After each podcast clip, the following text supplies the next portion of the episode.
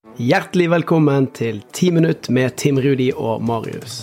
En Heart Mentality-podkast. I dagens episode, Marius, så har jeg lyst til å Det første er en sånn fremsnakk, en shout-out til kanskje en av de kuleste forskerne vi har her i Norge. Eh, Ragnhild Bang Næss, hun er kjent som lykkeforsker.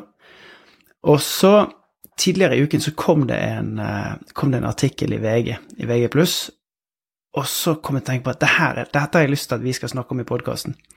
I mange år så har jeg jobbet med hverdagslykke som tema når jeg har vært ute og, og fasilitert ledergrupper eller vært ute og jobbet med medarbeidere i organisasjoner. Og det som er så kult med Ragnhild og det arbeidet hun gjør med sine kollegaer, og hverdagslykken, er at det fins en sånn huskeregel. Og den er fem om dagen for hverdagslykke. Og vi er jo kjent med fem om dagen for eh, frukt og grønt.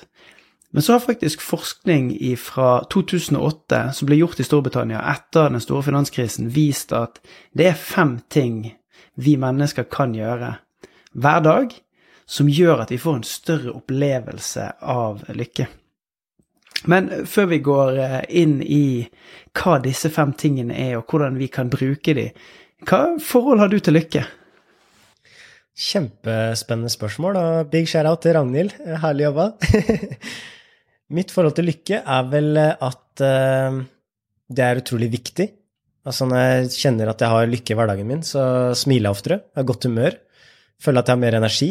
Så absolutt noe som er viktig. Og så har jeg også et perspektiv som handler om at hvis det bare blir for mye fokus på lykke, så kan det jo ha litt motsatt effekt og kan bli en skyhøy forventning om hvordan ting skal være. Så for mye av det, kanskje ikke like bra, men det å øke det, det tror jeg Altså sånn hjernen vår er lagd og alt, så tror jeg det bare er bra å fokusere på og lære mer om. Ja, og det syns jeg eh, det, det, er en kul tanke å ha med seg inn i det her òg, fordi at uten mørke så kan vi ikke sette pris på lyset. Og uten motgang og ting som kanskje gjør litt vondt, så kan vi heller ikke sette ordentlig pris på, på medgang og de tingene som, som kjennes godt. Så jeg, jeg, liker de kontrastene der. Uh, og så er det sånn at jeg tror, helt oppriktig, at vi Hvis jeg skal generalisere det litt, da. I Norge i dag så vet ikke vi hva er det vi kan gjøre mer av for å kjenne på denne lykken. Og det er litt derfor jeg brenner for akkurat disse rapportene og, og disse fem tingene. For jeg tror at hvis vi blir litt mer bevisste, så kan vi gjøre ting i det daglige. Og det er jo meg og deg utrolig glad i. Sånn action. Hva er det vi faktisk kan gjøre? Hva er det som er handlinger som vi kan ta inn i dagen vår? Og, og det sier jo eh, Ragnhild òg.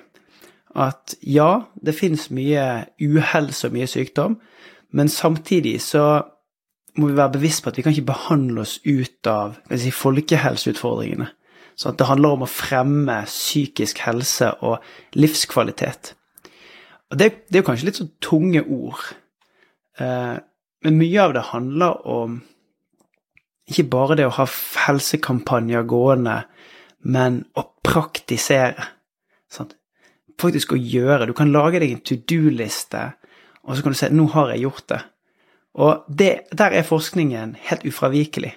Handlingene våre påvirker hvordan vi har det.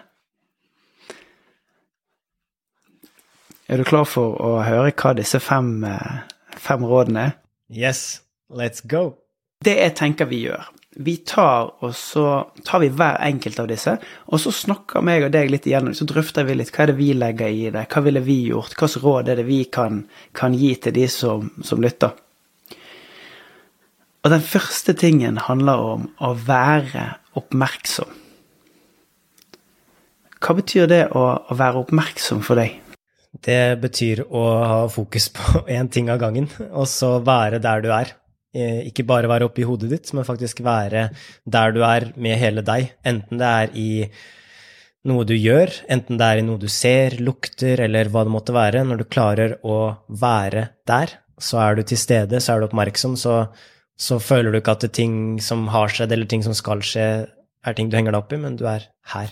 Yes! Ja, det er jeg faktisk helt enig i. Og mens du prater, så, så kommer jeg til å tenke på den måten du og Anja beskriver det på i forhold til hvordan fokuset flytter seg.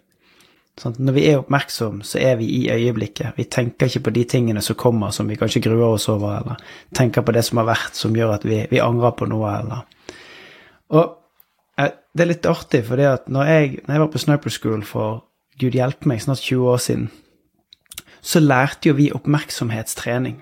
For en del av det å være skarpskytter, det er å være en sensor, legge merke til detaljer. Og det har jeg merket at gjennom de siste 20 årene så har det gitt meg en, en Akkurat som en sånn superkraft. Jeg kan gå nedover en gate, så kan jeg se han Kanskje det er en, en, en rusavhengig som sitter der, så kan jeg legge merke til hva klær han har på seg, hva som står på skiltet. Eller det kommer noen gående nedover, så kan jeg se de og legge merke til detaljene. Og i det øyeblikket så, så er jeg der. Eller når jeg er ute og, og, går i skogen, så kan jeg faktisk legge merke til hvordan en grein ligger, eller hvordan en maur beveger seg, eller et insekt beveger seg foran meg når jeg er ute og går. Og jeg tror det er viktig. Jeg tror at uh, det å øve på å være i nå-øyeblikket, enten du er alene og ser på de tingene som er rundt deg, eller om det handler om at det er andre mennesker der, er kjempeviktig. Ja, og det er ofte da vi er gladest òg, når vi er faktisk helt til stede. Og det er også noe som er veldig spennende med type flytforskning og den biten der også, at vi ser at visse områder i hjernen skrus av og så kobler vi på de mekanismene som gjør at vi klarer å være engasjerte og til stede og tenke mindre og bare være, da. Så det er ofte derfor det er så deilig også, når man enten har vært ute og gått en tur, eller vært i en samtale, eller gjort noe som har fått din fulle oppmerksomhet, så føles det ofte veldig bra etterpå, fordi at vi har tatt av den chatra oppi hodet, og så har vi klart å være mer til stede i øyeblikket. Ja, og der knyttes jo den mindfulness og meditasjonen inn. Mm. Det å øve på det. Det er en veldig populær eh, metode, men eh, det er jo også andre kule måter å trene oppmerksomhet på, som ikke bare må være meditasjon også, som jeg syns er veldig, veldig gøy. F.eks. det å spise.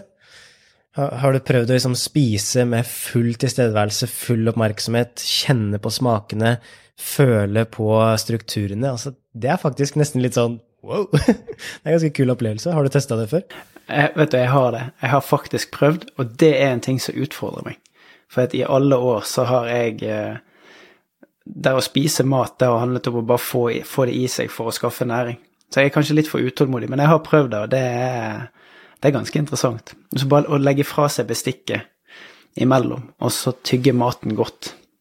Ja, og det er jo eh, selvfølgelig da også når man skjønner at det er også noe som hjelper oss med å være til stede her. Det er litt sånn som øyet i orkanen. Du sitter her og er rolig, og så kan det være masse tanker rundt, men når du kommer f.eks. inn i maten, inn i luktene, inn i kroppen din eller hva som helst, så da er du her, og ikke alle andre steder. Så det er ganske digg. Ja, det er utrolig stilig. Og så altså, må jeg være helt ærlig og si at det, det, høres litt sånn far-fetched ut å være inne i maten, men det, er, men, det er jo, men, det, men det, er et poeng med det. Ja, det, det er jeg enig i, men maten blir faktisk ganske annerledes når du har full tilstedeværelse i den. Ja, jeg skal, jeg, det skal jeg faktisk prøve på en gang, så skal jeg gi deg tilbakemelding. Du, den andre tingen som er på listen, det handler om å være aktiv. Uh, og det her syns jeg er utrolig kult, fordi at jeg tror det å være aktiv har mye med tolkningen av hva vi gjør det til. Altså, du kan ha et bilde av hva å være aktiv er, jeg har et bilde, naboen har et bilde, de som lytter, har et bilde. Men det å være aktiv i denne settingen her handler om å bevege seg. Sånn, kanskje rundt sånn minimum 30 minutter for dagen. Bare, bare gå. Være i bevegelse. Og det, det vet vi er bra for oss, vet ikke det? Jo, absolutt. Og det er faktisk også noe som jeg syns er veldig fascinerende i forhold til også det her med kroppsspråk. da. Når vi er i fysisk aktivitet og beveger oss, hva er det vi egentlig gjør? Jo, det vi gjør, er at vi bruker kroppen, vi endrer på kroppsspråket vårt, og når vi får bevegelse, så blir jo også hjernen veldig glad. Den elsker jo å være i aktivitet. Vi er jo skapt for å gå, løpe, bevege oss, og vi har jo utrolig intelligente mekanismer i kroppen som gjør at vi kan bevege oss. så det det er noe som eh, vi virkelig får belønning for når vi bruker det. Men eh, det er jo ikke alltid at vi lærer den sterke effekten av det, så jeg digger at vi kan snakke litt om det nå.